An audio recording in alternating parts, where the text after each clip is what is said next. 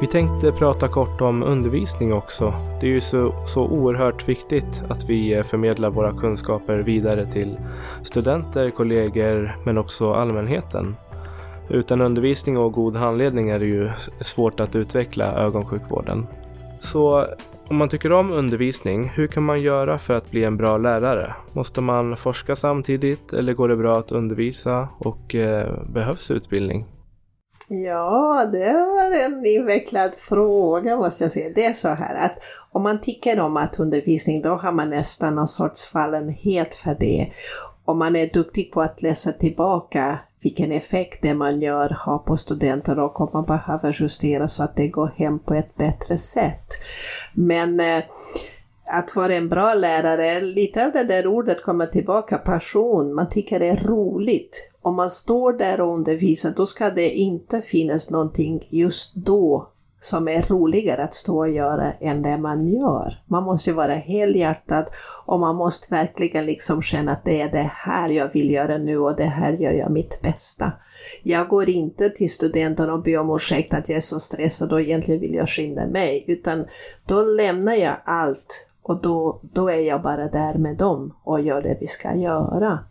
Och det är klart att man är en bättre lärare om man har gått sina pedagogiska utbildningar. Man lär sig mycket som man kanske ibland har en känsla för men ibland har inte riktigt tänkt på. Men eh, man blir inte en bra lärare bara av att läsa på hur man ska göra utan det kräver att man är äkta. Mm. Och en sak som jag kan tycka som kan vara otroligt inspirerande är att jag får tillbaka så mycket från studenterna. Det är inte bara jag ger till dem utan det de ger mig. De håller mig ung och pigg och alert och inspirerad. Jag känner ibland nästan att jag står i skuld mot dem.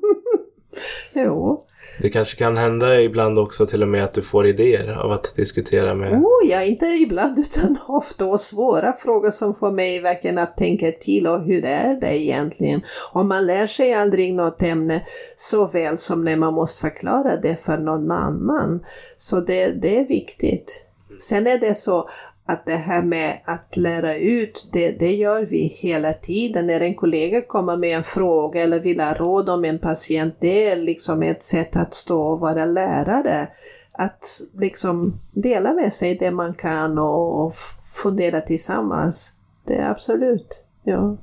Men det är roligt att undervisa och, och studenten är verkligen en källa till inspiration. Garanterat. Ja, tycker jag.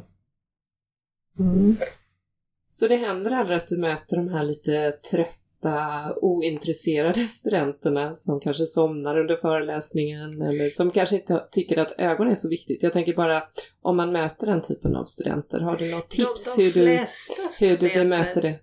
De flesta studenter är faktiskt väldigt ansvarstagande och ordentliga. Så att jag, jag känner inte riktigt igen den här bilden av att de, de ska vara ointresserade och så. Men ibland träffar vi på, ja, på studenter som eh, ja, säger just det, jag vill ju bli någonting annat, jag har inte tänkt bli ögonläkare och det är helt okej. Okay. Men då brukar jag ta mig tid att förklara, du ska i första hand se till att du inte blir farlig vad gäller ögon patienten, när du i framtiden träffar personer som kommer till dig med ögonsymptom, då måste du ha en kunskapsnivå som liksom är minimum som krävs av dig så att du ska veta ja det där är farligt, det ska du söka vård för på en gång och du tar hand om patienten eller nej, det där kan du bara ta lite salva och vänta. Mm.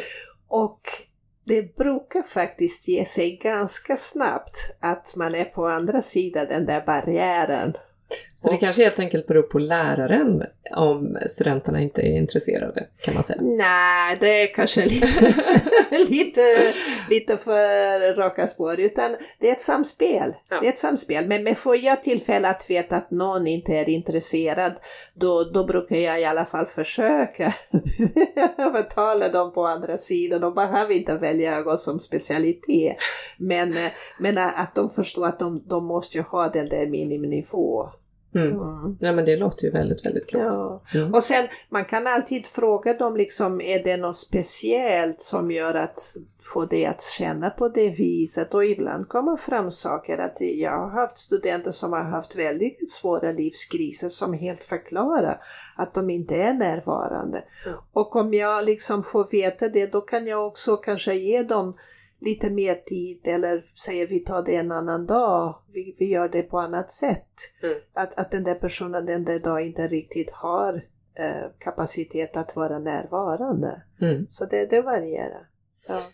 Är det så att de flesta som undervisar här hos er är de som också är knutna till universitetet eller är det så att man kan undervisa utan att ha en forskningsanknytning? Jo, vi har eh, båda och. Utan, eh, i första hand ska vara de som är universitetsanknutna som har, eller det är bara vi som har kursansvar till exempel och som kan eh, ta vissa saker. Men, men vi har väldigt stor hjälp av kollegor som inte forskar eller som forskar men inte har en universitetsanställning.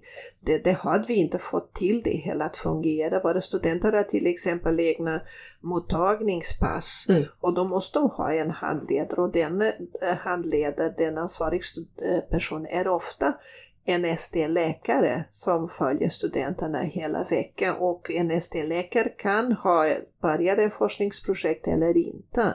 Så det, det varierar. Men det krävs att man liksom har kompetens i ämnet och sen att man är villig att undervisa. För det, det går igen det där att om man inte vill då mm. blir det inget mm. bra, ingen bra. Utan man, man måste ju känna för att jag vill undervisa studenter.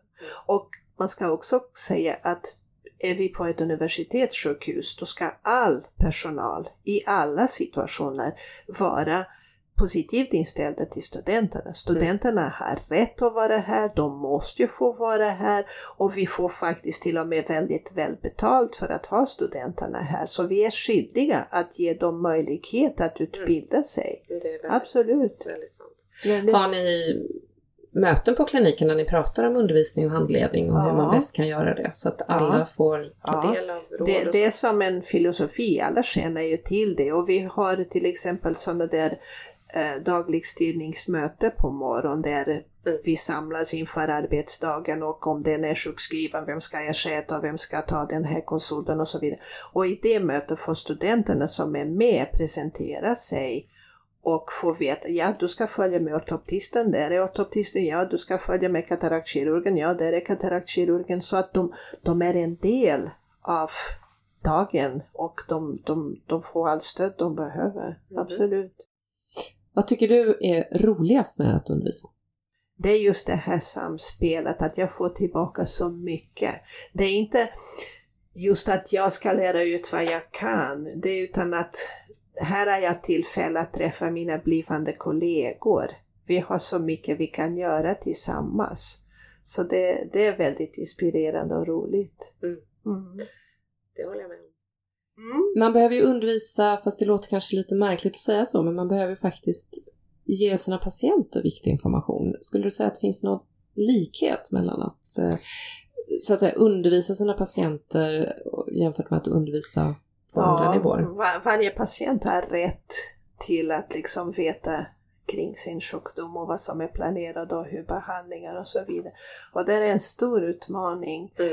att dels anpassa språket så att patienten bemöts på sin nivå och att vi inte använder några svåra facktermer och dels att de verkligen tar in informationen. För ibland är man så in i att man har fått en diagnos eller att man är så rädd, hur ska det gå, att man inte lyssnar på mm. det vi säger även om vi försöker säga det på bästa enklast sätt. Det, det, är, det kan det finnas en barriär. Jag ser mycket barn och ibland är det svårt att få föräldrarna att ta in alla steg. Så där är jag väldigt noga med att bygga upp det steg för steg och jag har så där uttryck, hold them by the hand, liksom att verkligen hålla dem i handen och ta sig upp för stegen och sen sammanfatta på slutet. Men det, det är en stor utmaning. Det är en stor utmaning.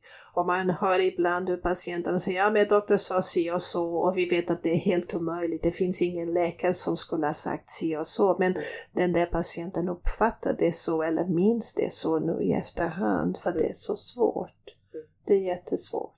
Sen är det som forskare har jag en skyldighet att sprida mina forskningsresultat och att ge den här kunskap till allmänheten och det, det gör jag gärna för jag kanske låter som någon predikant eller så men jag tycker det är jätteroligt att och dels interagera och träffa allmänheten och prata om det och få deras frågor och deras funderingar. Man kan få otroligt spännande frågor och man får verkligen liksom tillfälle att få folk att tänka på oj gud, det här har vi aldrig tänkt på att vi upplever sinnen på det sättet och sådana saker. Så det, det är jätteroligt.